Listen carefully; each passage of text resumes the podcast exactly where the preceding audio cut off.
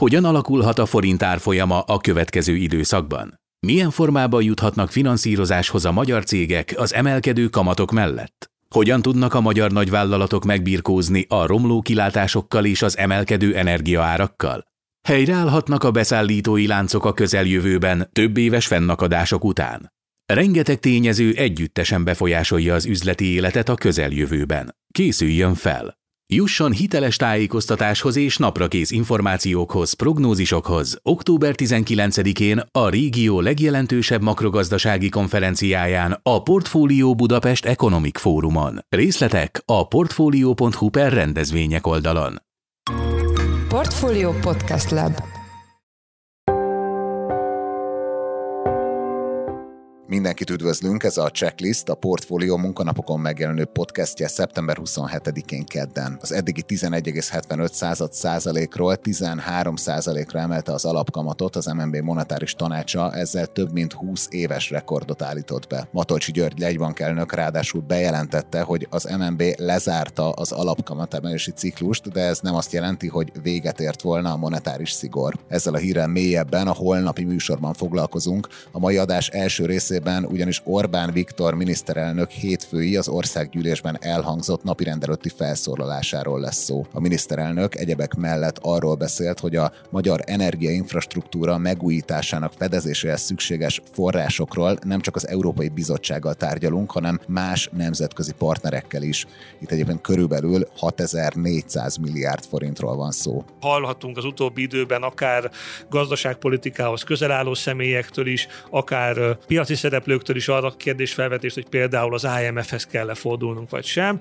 Ugye itt ezt nagyon gyorsan le is zongoráztuk, egyrészt nagy a politikai ára, másrészt pedig az IMF úgy tud megtámogatni egy Európai Uniós országot, hogy abban az Európai Unió is partner az IMF mellett, és ugye ilyen körülmények között nyilván visszakapjuk az összes olyan problémát és vitát, amit egyébként az Európai Uniós támogatásoknál is kapunk. A témával kapcsolatban Madár István, a portfólió vezető makroelemzője volt a checklist vendége. Mai másik témánk, hogy megjelent az új bónusz magyar állampapír ismertetője, ez az az államkötvény, amiről eddig nagyjából annyit lehetett tudni, hogy az első évben 11%-os kamatot fizet majd. Az adásban arról is beszélünk, hogy az új termék alkalmas lesz-e arra, hogy megvédje a lakossági megtakarítást hatásokat az inflációtól. Én Forrás Dávid vagyok, a Portfolio Podcast Lab szerkesztője, ez pedig a checklist szeptember 27-én. Orbán Viktor miniszterelnök hétfőn a parlamentben évad nyitó napirend előtti felszólalásában értékelte Magyarország helyzetét és jelentett be új intézkedéseket. Egyebek mellett szó volt arról, hogy 30 éves korukig adómentességet kapnak azok a nők, akik vállalják, hogy 25 és 30 éves koruk között gyereket szülnek. Emellett a miniszterelnök arról is beszélt, a magyar energiainfrastruktúra korszerűsítése 16 milliárd euróba, tehát körülbelül 6400 milliárd forintba kerül, mindez Paks 2 nélkül. Az ehhez szükség szükséges forrásokat Orbán Viktor szerint az EU megígérte Magyarországnak, de arra az esetre, ha mégsem kapnánk erre uniós pénzt, tárgyalásokat kezdtünk más nemzetközi partnerekkel. A miniszterelnök évad nyitójával kapcsolatban itt van velünk a stúdióban Madár István, a portfólió vezető makroelemzője. Szia István, üdvözöllek a checklistben. Sziasztok! Kezdjük a miniszterelnök beszédének helyzetértékelő részével. Itt ugye a jelenlegi magas inflációs környezetet az Antal kormány 35%-os inflációjához és a Hor kormány 28%-os pénzromlásához hasonlította. Miben hasonlítanak ezek az időszakok a jelenlegire, és, és hogy törték le itt a, a, ezekben az esetekben a magas inflációs pályát? A hasonlítás az annyiban helytálló, hogy a mértéke az ugye nagyon hasonló. Egyébként ettől függetlenül az mind a két korábbi magas ilyen inflációs periódus, bár ezt szoktuk inkább egy hosszúnak tekinteni, azért más tényezők függvénye volt. Ugye a rendszerváltozáskor nagyon sok ártámogatás épült le, illetve az egész gazdasági szerkezet átalakulásához kötődött egy olyan ilyen transformációs infláció, ami minden feltörekvő országban megtalálható volt, tehát minden akkor átalakuló posztszocialista országnak a sajátja volt. Tehát ilyen szempontból az egy egészen más típusú infláció volt. Ugye ez elkezdett csökkenni, majd amikor kiderült, hogy elég súlyos problémák vannak a gazdaságban, talán az idősebbek emlékeznek ilyen bokros csomagra és egyéb nyalánkságokra, akkor ugye áfa emelés, leért forint leértékelődés és hasonló tényezők újra fölnyomták ideiglenesen az inflációt, inflációt, és onnan indult el újra lefele, hogy aztán 10% körül megint három évre beragadjon, és aztán ugye nagyon lassan csak a 2000-es évek kezdetekkor kezdődött el igazából egy, egy érdemi olyan infláció csökkenés, amiben már látszott az árstabilitás elérésének lehetősége. Ugye a mostani infláció ilyen szempontból annyiban stimmel, hogy például a, a magyar infláció is hozzájárul a, a forint leértékelődése, de alapvetően egy egyedi ársok, az energiaárak emelkedése az, ami leginkább befolyásolja. Hát ez kapcsolódik, hogy a miniszterelnök azt mondta, hogy az energiaárak jelenlegi szintje, amit ő a szankciókra terelt, vagy a szankciókra fogott, hogy ezek már önmagukban egy ilyen 15-20 százalék pontos inflációt okozhatnak. Ez mennyire lehet reális helyzetértékelés? Az energiaárak alapvetően nem a szankciók miatt ilyen magasak, hanem azért, mert az oroszok az európai nem energetikai szankciókra, vagy nem hatékony energetikai szankciókra adott válaszként a gázfegyvert kezdték el használni, és a, a gázellátás európai bizonytalansága miatt emelkedett meg az ára valójában az energiának, amely egyébként már előtte levő időszakban is drasztikus emelkedésen ment keresztül, részben azért, mert az oroszok már a háború előtt is készültek ennek a fegyvernek a bevetésére, és elkezdett akadozni a szállítás, részben pedig egyéb tényezőkre vezethető vissza, zöld átállás, koronavírus válságból való kijövetel,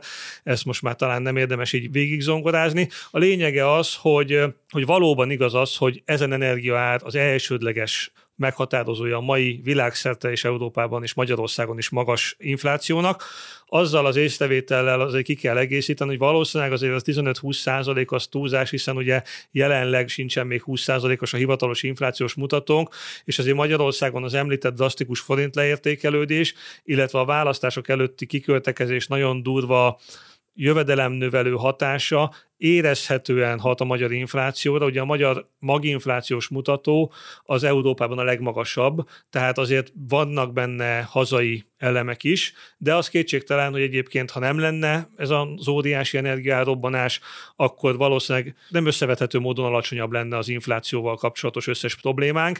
Valószínűleg tartom, hogy még így is lenne egyébként a magyar inflációval probléma, ahogy már érezhető volt 2019 végén, és érezhető volt a koronavírus válságból való kijövetelkor is, hogy a magyar inflációval van probléma, de ez a probléma össze nem lenne mérhető azzal, amit most látunk. Orbán Viktor beszédében arról is szó volt, hogy a magyar energiainfrastruktúra korszerűsítése szükséges forrásokról, amit ő 16 milliárd euróra, tehát kb. 6400 milliárd forintra besült. Szóval erről az összegről nem csak az EU-val tárgyal Magyarország, hanem más nemzetközi partnerekről is. Itt kikről beszéltett a, a miniszterelnök, kik jöhetnek szóba egy ilyen költségelem megfinanszírozásához? Onnan érdemes kezdeni, hogy azért is rezonált olyan erősen a közvélemény, mert ugye Magyarország jelenleg is van egy ilyen finanszírozási kihívása.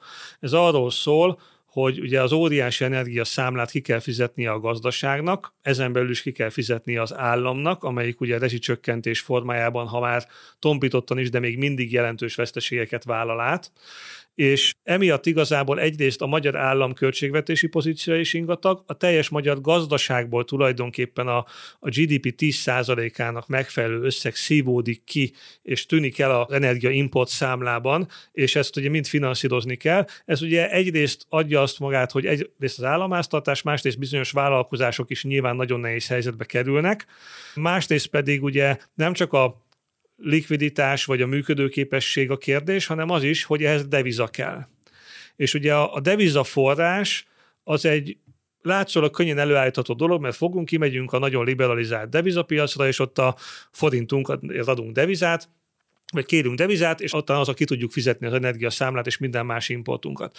Csak amikor ez ennyire intenzíven megugrik, akkor ez olyan mértékben növeli a forint kínálatot a devizapiacon, illetve a deviza iránti keresletet, hogy ez a, hogy ez a forint gyengülésével jár. És ezt jól látjuk, hogy ez zajlik. Ugye folyamatosan nyomás alatt van a forint, az első háborús sok után sem tért vissza a korábbi tartományokban, most is 400 fölött van, és azért meg-meg inog időnként. Tehát amikor ilyen, ilyen környezetben vagyunk, akkor valóban fölmerül az a kérdés, hogy nem, nem kell-e valahogy a, a deviza szükségletet biztosítani az országnak, és akkor fölmerülnek ilyen kérdések, hogy ezt kitől lehetne be behúzni, tekintettel arra, hogy az egyik legstabilabb ilyen forrásunk az az Európai Unió volt, amelyik ugye devizában utalta el nekünk az uniós támogatásokat, ezért ez automatikusan hizlalta jegybanki tartalékot, volt elegendő devizaforrása az országnak mindenre tulajdonképpen, importra, a lejáró devizaadósságok visszatörlesztésére, még akkor is, ha forintadósságot tettünk mögéje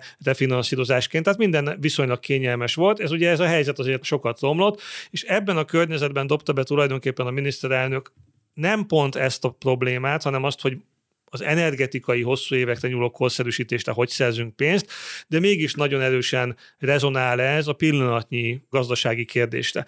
És hát valóban az a válasz erre, hogy akkor kiktől lehet ilyen pénzt szerezni. Ugye egyrészt az Európai Uniótól próbálunk velük megegyezni, látszik, hogy nem egyszerű, évvégéig kiderül, hogy mire jutunk egymással, de hát nyilván addig is kellhet még a pénz, tehát hogy folyamatosan van a levegőben egy kérdés, hogy mi legyen. Ugye hallhatunk az utóbbi időben akár gazdaságpolitikához közel álló személyektől is, akár piaci szereplőktől is arra kérdésfelvetést, hogy például az IMF-hez kell fordulnunk, vagy sem. Ugye itt ezt nagyon gyorsan le is zongoráztuk, egyrészt nagy a politikai ára, másrészt pedig az IMF úgy tud megtámogatni egy Európai Uniós országot, hogy abban az Európai Unió is partner az IMF mellett, és ugye ilyen körülmények között nyilván visszakapjuk az összes olyan problémát és vitát, amit egyébként az Európai Uniós támogatásoknál is kapunk, hiszen az nem lehet, hogy az Európai Unió az egyik oldalon boldogan finanszíroz minket, miközben a másik oldalon a fenntartásait hangoztatja bizonyos kérdésekben. Ezért ugye az IMF ilyen szempontból egy nehezen rágható történet, és ma is azt gondoljuk, hogy valószínűleg részben politikai, részben pragmatikus szempontból is tényleg olyan, ahogy megálmodtuk eredetileg az IMF-et, végső hitelező, ha már nagyon nincsen más ötletünk, akkor, akkor lesz IMF. Ugye, és azért még egyelőre vannak más ötleteink, az egyik ilyen, hogy kimegyünk a devizapiacra, és újra devizakötvényt bocsátunk ki. Itt szoktak olyan aggodalmaskodások lenni ezzel, hogy hát nemrég vonultunk ki egy óriási összeggel, amivel nagy díredúrral bejelentettük, hogy hosszú időre biztosítottuk az állam devizaigényét. Most nyilván nem sokkal később kimenni egy újra egy nagyobb csomaggal, az biztos nem veszi ki jól magát, bár nyilván azért a piac is megértheti, hogyha még jobban elszálltak az energiaárak, akkor nagyobb a devizaigénye az államnak. Tehát ilyen szempontból van ez, ezzel kapcsolatban is fájdalom, és a másik fájdalom az, hogy még legutoljára 1% alatti kamaton tudtunk még kimenni, addig most valószínűleg ilyen 6% körüli ö, forrásköltségünk lenne, ami azért már elég nagy. Tehát az már azért nem az a, nem az a tétel, ami, aminél azt mondjuk, hogy minden pillanatban bármikor boldogan vonulunk ki deviza hitelért. És akkor ugye vannak még egyéb forrásaink is, vagy lehetőségeink is. Az egyik ugye Kína, Tipikusan Kína így, hogy államokat nem szokott megfinanszírozni, ott tényleg az jöhet szóba, amit Orbán Viktor direktben mondott, hogy valamilyen energia projektre, ugye ilyet láttunk is, hogy közlekedési projektbe például már szállt be Kína, de itt ugye az a helyzet, hogy azért az elmúlt évek tapasztalati alapján azért az, azt szoktuk mondani, hogy ez Kínával óvatosan. Tehát az látszik, hogy ő ezerszer megnézi, hogy hogyan és miért, és stratégiai értelemben megkéri az árát egy ilyen finanszírozásnak. Tehát nehéz velük azért olyan szempontból jó üzletet kötni, hogy mi nem mondjuk azt, hogy valamit vesztettünk a, azért a, a dolgon, ami nem feltétlenül pénzügyi, hanem egy, még egy hosszú távú stratégiai dolog, erőforrások feletti expo, expozíció, rendelkezés, vagy bármi ilyesmi. A másik lehetőség az Oroszország lenne. Ott ugye az a helyzet, hogy bár láthatóan az Európai Unióban mi vagyunk a legóvatosabb kapcsolatot ápoló ország Oroszországgal, de ugye az orosz szankciók miatt ilyen közvetlen pénzügyi támogatást az oroszok nem nyújthatnak Magyarországnak. Ugye a másik lehetőség, ami az utóbbi időben szóba került, és ezzel kapcsolatban a nem megerősített mindenféle ilyen félbenfentes információk is ellentmondásos képet sugalnak, hogy halasztott fizetést kérjünk a, a gázra, ugye a gázimportra. Ha ez valóban összejön, az egy óriási könnyebbség lenne, hiszen ugye elsősorban ez a gázimport az, ami borzasztó drága Magyarországnak, ami elsősorban ellódította a folyófizetési mérleg hiányát, a, a nemzetgazdaságunk finanszírozási igényét megnövelte, és hogyha ezt valahogy sikerülne arrébb tolni, akkor nyilván az nagyon sokat segíthetne a finanszírozhatóság szempontjából, és talán még beleférne ebbe a pénzügyi szankciós keretbe, amit, amit használtunk. Az más kérdés, hogy valószínűleg Európa azért elég furcsán figyelne egy ilyen lépést, de ezt megszoktuk ugye, hogy külön utakat járunk a, akár a szankciós politika bírálatával, vagy más módon is a, a orosz viszonyban, mint az Európai Unió. Tehát ez, ez az, ami talán a leginkább egy ilyen, ilyen lehetőség lenne. Ezzel kapcsolatban a benfentes információk azok nagyon ellentmondásosak, egyesek szerint már lehaltak a tárgyalások, mások szerint épp ellenkezőleg nagyon is sinem vannak és közel vannak megegyezés, és akár tényleg két-három évre el lehet tolni a, a fizetés egy részét meglátjuk, hogy mi fog ebből kialakulni. Nagyjából most ezek azok a csapásirányok, amik látszódnak. Tehát azért látszik, hogy igenis a magyar gazdaságnak a nagy energiakitettsége miatt fáj ez az egész energiaár robbanás, energiaválság, hiszen ebben, ebben azért mi sokkal sérülékenyebbek vagyunk, akár még a régiós országokhoz képest is, és ugye ez látszik a növekedési kilátásainkon, az inflációnkon és a, és a külső egyensúly alakulásában is. Tehát, hogy akkor azt mondod, hogy ezt a bejelentést, ezt érdemesebb, szélesebb kontextusban is értelmezni, tehát, hogy, hogy nem feltétlenül ezekre az energiaprojektekre vesszük majd fel a pénzt, hanem valamilyen külső finanszírozásra, külső devizafinanszírozásra van szükséges az országnak, és ugye most akkor arról beszélt a miniszterelnök, hogy mi ezt nem feltétlenül csak az EU-tól tudjuk beszerezni. Ez mennyire tekinthető egy ilyen egyfajta ilyen sajátos török kártyának, vagy mennyire tekinthető egy tárgyalási pozíció erősítésnek az EU-val szemben, hogy oké, okay, lehet, hogy ha veletek nem is megy majd a megállapodás, mi már tárgyalunk másokkal, tehát ez mennyire lehet csak egy ilyen tárgyalási pozíció erősítő bejelentés? Hát jó kérdés, ugye, hogyha nagyon szigorúan szó szerint értelmezzük a miniszterelnök bejelentését, akkor az valójában ilyen hosszú, több éves, évtizedes energetikai projektek forrásáról szól. Projektfinanszírozási kérdés, aminek semmi köze nincs se a magyar gazdaság jelenlegi helyzetéhez, sem pedig a direkt módon az Európai Uniós támogatásainkhoz. De mint mondtam, maga a szituáció és a probléma felvetés az nagyon rímel ezekre a problémákra, tehát nyilván van egyfajta üzenetértéke a dolognak. Ezzel kapcsolatban nagyon érdekes, hogy éppen most adott nekünk interjút Navracsis Tibor miniszter, aki pedig az EU támogatások körüli tárgyalásokért felelős, aki továbbra is azt hangsúlyozza, hogy nincsen B-tervünk, nincsen alternatív finanszírozási elképzelésünk, igenis nekünk az az A tervünk, és az egyetlen tervünk, hogy mi megállapodunk az Európai Unióval, és mindent meg is teszünk a bizottság kéréseinek, feltételeinek az ott kitárgyalt megállapodás élesítésével, az, annak érdekében, hogy ezt megkapjuk, és évvégéig minden kérdés rendeződjön ebben az ügyben. Tehát nem teljesen egységes ilyen szempontból azért a kormányzati kommunikáció. Azt azért nem nagyon hiszem, hogy mondjuk az Európai Unió különösebben egyébként ezt az üzenetet bármilyen módon a saját tárgyalási pozíciójának a gyengüléseként értelmezné, hiszen elsősorban nekünk kell az uniós támogatás, nem pedig ők azok, akik, akik nagyon rá akarnának erre ülni. Tehát azt gondolom, hogy továbbra is ugyanazok a feltételek vannak, amelyekről azért látszik, hogy időnként szaporodnak, most újabban a jogrendszerünkkel kapcsolatban is újabb feltételek fogalmazódtak meg homályosan, tehát még azért lesz ebben döcögés, mire ez elkészül, ez az egész terv. És maga ez a pénzösszeg, amit a miniszterelnök említett, hogy ez a 6400 milliárd forint, ez mennyire jelentős pénzösszeg? Hát ez egy óriási pénzösszeg, ugye gyakorlatilag ugye Magyarország egy éves GDP-je az néhány tízezer milliárd forint, 50-60 ezer milliárd forint, most attól függ, mikor itt nézünk, meg milyen inflációt nézünk még jövőre.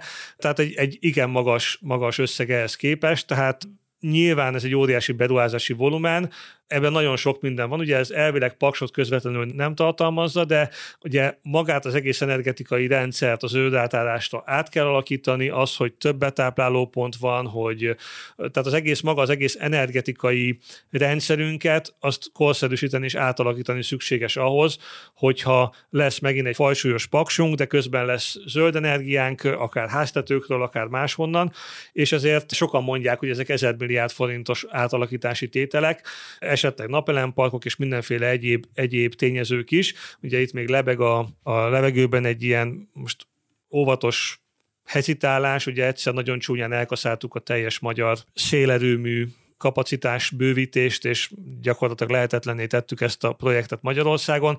Most egyszer fölmerült, hogy talán mégis lehet, aztán most megint mintha mégsem biztos, tehát hogy még azért szerintem a pontos helyét ennek a rengeteg pénznek nem biztos, hogy mindenki látja, de az biztos, hogy hihetőnek hangzik az, hogy ilyen óriás összeget kell költeni egy olyan terület átalakítására, amúgy is a világban és Magyarországon különösen átalakulóban van az energiarendszerünk, és egyébként pedig azért az elmúlt években nem, erre még azért nem sokat költöttünk ennek az átalakítására. Még egy témáról szeretnék beszélni a miniszterelnök milyen helyzetértékelő szezonnyitójával kapcsolatban, ez pedig az, hogy ugye azt is bejelentette, hogy 30 éves korukig SZIA mentességet kapnának a, azok a nők, akik vállalják, hogy 25 és 30 éves koruk között gyereket szülnek. Ugye 25 év alatt már eleve adómentességet élveznek a férfiak és a, a, a nők is, és akkor most, hogy a nőknek feljönne ez a plusz év. Itt az, hogy ilyen viszonylag későn szülnek Magyarországon, ugye erről vannak adataink, és ugye a reprodukciós ráta is hát viszonylag szerény. Ez milyen problémákat okozhat így makro szempontból? Az egész demográfiánk abból a szempontból problémát jelent, hogy látszik, hogy a foglalkoztatásra képes, tehát a munkaképes korú lakosság száma most már hosszú ideje csökken.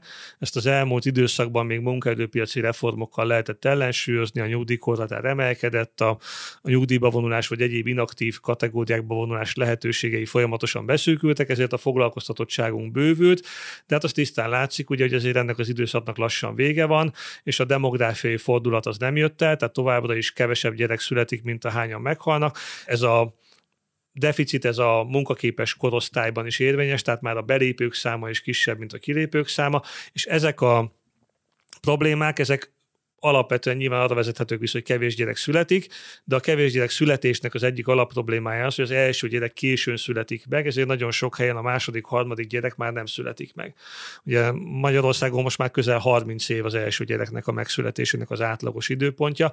Nyilván, ha valakinek 30 év éves kora fölött érkezik az első gyerek, akkor nagyobb a valószínűség annak, hogy egy másodikra már nem vállalkozna.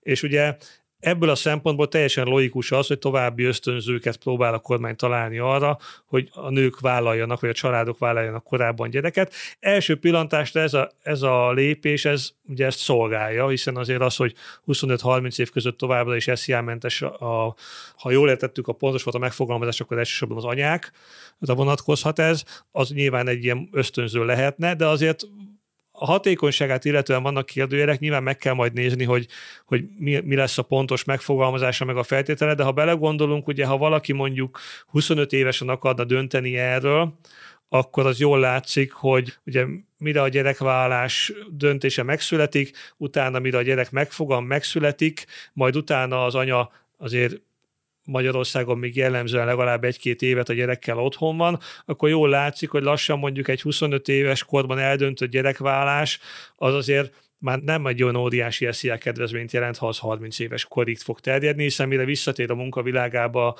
az anyuka, addigra azért már 29-30 éves lesz valószínűleg. Tehát ilyen szempontból valószínűleg ez inkább ilyen 21-22-23 éves korban jó nagy előrelátást igénylő családalapítási vagy családtervezési döntés kell, hogy legyen, hogy én jelzem-e, hogy fölvállalom a, a gyereket, mert akkor még talán egy-két év belecsúszik ebből, ebből az időszakból. Ha valaki több gyereket akar vállalni, akkor ugye meg még inkább nagy a valószínűség annak, hogy tartósan évekre kimarad valaki a munkaerőpiasztól, tehát nem lesz SZIA köteles jövedelme. Szóval a, az elv az logikus, világos, de azért abban még egyelőre óvatosak lennénk, hogy ettől olyan óriási ösztönző hatást várjunk. Igen, meg hát nyilván még a részletszabályokat sem ismerjük, de még azt is lehet, hogy akkor 29 éves korukig kell nagyon megnyomni a karrierjüket, és akkor... Hát igen, ugye, ugye ahogy mondtam, gondoljunk bele, hogyha valaki mondjuk előre lát egy kicsit, és már 24 évesen ez, erről beszélget a párjával, hogy akkor gyereket szeretne vállalni, akkor ugye, és eldöntik, hogy akkor ezt bejelentenék, és kérik az SZIA mentességet 25 éves kortól, és tényleg mondjuk akkor az kell hozzá, hogy ez egy ilyen érdemi és tartós támogatás legyen, hogy ott 25 éves kora után nem sokkal már valójában a gyerek is megszülessen, otthon kell vele maradni, ugye, hogyha esetleg más támogatásokkal együtt veszik igénybe, hiszen ha valakinek vannak családalapítási terve, tervei, akkor akár egy csokkal, mindenféle hitelekkel kiegészítve, akár több gyereket vállalt, akkor már nem nagyon látszik egyébként, hogy mikor jön el az a pillanat, amikor ő valóban a munkapiacra visszatérve SZIA kedvezményt tud igénybe venni, vagy SZIA mentességet, de majd meglátjuk, kíváncsiak vagyunk a részletekre. Nyilván lehet, hogy még kell finomítani a terven ahhoz, hogy ez valóban ösztönző hatású legyen. Köszönjük szépen az elemzésedet. Az elmúlt percekben Madár István, a portfólió vezető makroelemzője volt a checklist vendége. István, köszönjük, hogy a rendelkezésünkre álltál. Én is köszönöm, sziasztok! Hétfőn megjelent az új bónusz magyar állampapír ismertetője. Ez az az államkötvény, amit Gulyás Gergely miniszterelnökséget vezető miniszter még három hete jelentett be. Ezzel párhuzamosan az infláció követő prémium magyar állampapír kamatozása is jelentősen változik. Kérdés ugyanakkor, hogy ezek az intézkedések elegendők lesznek-e ahhoz, hogy felrázzák a lakossági állampapírok piacát. A témával kapcsolatban itt van velünk Árgyelán Ágnes, a portfólió pénzügy rovatának elemzője. Szia Ági, üdvözöllek a műsorban. Szia Dávid, én is üdvözlöm a hallgatókat. Kezdjük a bónusz állampapírral. Itt eddig annyit lehetett tudni, hogy az első éves kamat 11% lesz, ugye ezt jelentette be Gulyás Gergely még pár hete. Ez hogy jött ki, így az ismertető alapján, milyen feltételek mellett értékesítik majd ezt az államkötvényt? Igen, nagyjából helytálló Gulyás Gergelynek ez a 11 százaléka, egy egészen pontosan 11,32 százalék lesz az induló kamat. És ugye, ugye ez hogy jön ki? Ugye korábban arra számoltunk, hogy olyan lesz ez a bónusz sorozat, mint amit korábban is láttunk, tehát hogy a, lesz egy kamatbázis, és lesz egy kamat prémium, mint hogy az inflációnál is megszokhattuk, csak itt a kamatbázis nem az infláció adja, hanem a diszkontkincstár egy aukciókon kialakult átlaghozamok. Ez volt korábban, ezt már ismertük, és arra számítottunk, hogy hasonlóképpen most is a 12 hónapos DKI aukciókat fogja lekövetni majd a papírnak a kamatbázisa, de ebben változtatott az AKK, mégpedig abban, hogy nem a 12 hónapos papíroknak az aukcióját veszi majd alapul, hanem a három hónapos DK-nak az aukcióját. És ugye ez a kamatbázis, és erre jön majd egy kamat prémium, ami jelen esetben 1 lesz és így jön ki majd ez a 11,32 az első évre nézve. És ezek a, ezek a diszkont kincsárjegyek, ezeket alapvetően vállalatoknak értékesítik? Alapesetben igen, ezek intézményi papírok, de a lakossági ügyfelek is megvásárolhatják őket egyébként a kincstárnál is, meg a banki forgalmazóknál is. Tehát nem kizárólagosan csak intézményi ügyfelek vehetik meg. Tehát akkor itt most azt jelenti, hogy végül is ez az új állampapír, ez egy százalékkal fog több kamatot fizetni, mint azok a kötvények, amiket intézményi befektetőknek értékesít a magyar állam. Itt ez milyen kapcsolatban van az inflációval? Van köztük kapcsolat, ha nem is így közvetlenül, de van, hiszen a DKI hozamokat, meg az intézményi piacon kialakult hozamokat is befolyásolja az infláció, és ugye az infláció lényegében az MLB-nek a kamatemelésében nyilvánul meg, vagy ott, ott kapcsolódik be ugye az állampapírpiacra is, hiszen hogy az MNB ugye emeli a kamatot, úgy emelkednek ugye a rövid hozamú, a rövid oldalon is a, a kamatok ugye az állampapírpiacon, ezért van az, hogy, a, hogy ma, ha ránézünk a, a DKI hozamokra, akkor láthatjuk, hogy bőven 10% feletti hozamokról van szó. És miért dönthetett úgy az AKK, hogy, illetve hát az állam, hogy negyedévente fizet majd kamatot ez a papír? Vélhetően amiatt, hogy jobban lekövesse a papíra a piacnak a, a mozgását, meg a piaci hozamoknak a mozgását, mert ugye, hogyha maradtunk volna a 12 hónapos DKI aukcióknál és azoknak a kamatánál, ugye akkor évente egyszer fizetett volna a papírkamatot szemben a mostanival, mert most negyed évente fog kamatot fizetni, ez is egy fontos újítás egyébként a régebbi bónuszpapírokhoz képest. Tehát azt látjuk, hogy jobban fogja lekövetni a, a piaci kamatozást az állampapír, ami egyébként lehet jó is, meg lehet rossz is. Igen, de hogyha végül is, ha továbbra is egy emelkedő emelkedő kamat környezetre számítunk, akkor könnyen ugyanabba a helyzetbe kerülhetett volna ez a bónusz, mint most a prémium állampapír, amiből most hozták ki, majd erről is beszélünk hamarosan, de a kérdés még az, hogy elég lesz ez a 11,3%-os kamat, hogy legalább értéken tartsa a befektetésünket a jelenlegi inflációs környezetben. Hát rá kell nézni az inflációra, és akkor látni fogjuk, hogy tudni fogjuk a választ, ugye nem, de akkor felteszem azt a kérdést, hogy van-e olyan bármilyen más befektetés, ami erre alkalmas, mert egyébként szerintem ez is nehezen megválaszolható lenne, hogyha körbenézünk a piacon. Tehát, hogyha nyilván azt nem fogja tudni tartani, amennyit az infláció most elvesz tőlünk, de azért elég szépen felhozza. Tehát, hogy ahhoz képest, mint hogyha csak a számán tartanánk, vagy otthon tartanánk a pénzt, ahhoz képest mindenképpen egy, egy sokkal-sokkal jobb alternatíva az, hogyha lakossági papírba tesszük a pénzünket. Térjünk rá a prémium magyar állampapírra. Itt egyetlen miért volt szükség változásra, és milyen változásokat jelentett be az AKK? A prémium állampapírnál lényegében két fontos változást jelentett be az AKK. Az egyik és legfontosabb az a kamatozásban történt. Ugye megszoktuk azt, hogy eddig úgy alakult a, a kamatozás, hogy volt ugyanígy egy kamatbázis és egy kamat prémium, ahol a kamatbázis az infláció adta, és erre adott a adóságkezelő egy prémiumot, attól függően, hogy milyen hosszú időtávra fektetünk be. Ugye most 4 és 6 éves papírok vannak a piacon. Ugye vagy 0,75 vagy 1,5 a, a prémium most a két papíron. Ezzel nem változtatott az AKK, tehát a prémiumon magán nem, viszont a kamatozás, a kamatbázison igen, olyan szempontból, hogy az első évben a megszokott infláció plusz kamatprémium helyett egy fix kamatot vezetett be az AKK az új konstrukcióknál, ez 11,75 század százalék lesz az első évben.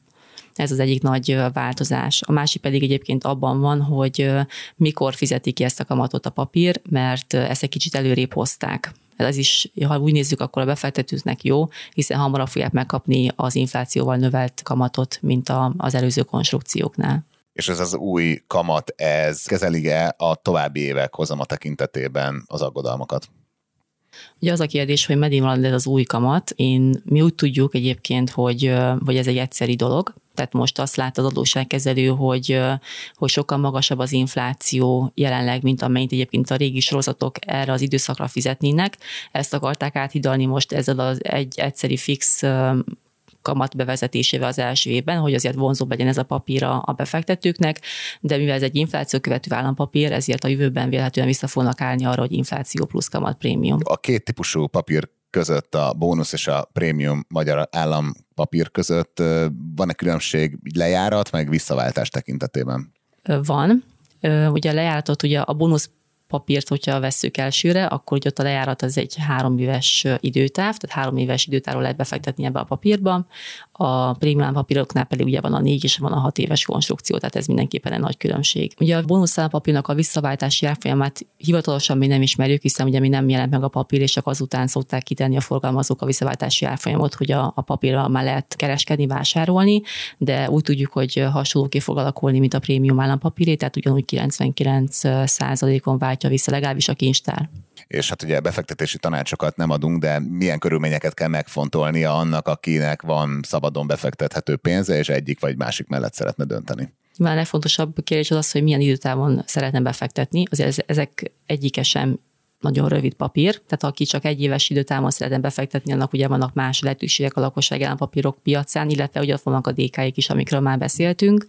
Ott nyilván más dolga is számolni kell, például az árfolyam kockázattal, az egy, egy, egy fokkal már másabb, mint hogyha lakossági papírt választ valaki de ettől függetlenül elérhető. Hogyha most ezt a két papírt vesszük, akkor nyilván, hogy valaki mondjuk arra számít, hogy menni fognak még mondjuk a kamatok, a rövid hozamok legalábbis felfelé a következő időszakban, és pont ilyen három éves időtávra gondolkodik, akkor a, a bónuszállampapír egy jó választás lehet. Nyilván, ahogy mondtuk, ugye korábban itt nagyon sok minden függ attól, hogy merre fognak menni majd a kamatok, mert hogyha ugye csökkenni fognak, akkor ez a papír nagyon hamar le fogja követni, hiszen negyed évente fizet kamatot. Ez, ez is egy kockázat, meg egy előny is egyben. A prémium állampapírok ugye azok meg ugye továbbra is az inflációt fogják követni, az, hogyha arra számítunk, hogy emelkedik még a következő pár hónapban, illetve ilyen magas szinten marad, akkor mindenképpen egy jó választás lehet. Így mindent összevetve, és már részben beszéltünk erről, hogy tulajdonképpen akkor el kell lefogadnia most a lakosságnak, hogy mondjuk az elmúlt tényleg sok éves gyakorlattól eltérően, ilyen kvázi kockázatmentesen nincs olyan befektetés, ahol, ahol rövid távon rá kamatot lehet realizálni. Ebben a magas inflációs környezetben most azt látjuk, hogy nincs, de ahogy mondtam, ugye azért a lakosság állampapírok, legalábbis a, olyan formában inflációt követő állampapírok mindenképpen egy, egy jó alternatívát jelentenek arra, hogyha szeretnénk a pénzünknek az értékét valamennyire megőrizni. Ja, nagyon szépen köszönjük ezeket az infokat, meg az elemzésedet. Az elmúlt percekben Árgyalán Ágnes, a portfólió pénzügy rovatának elemzője volt a checklist vendége. Ági, köszönjük, hogy itt voltál a műsorban. Én is köszönöm.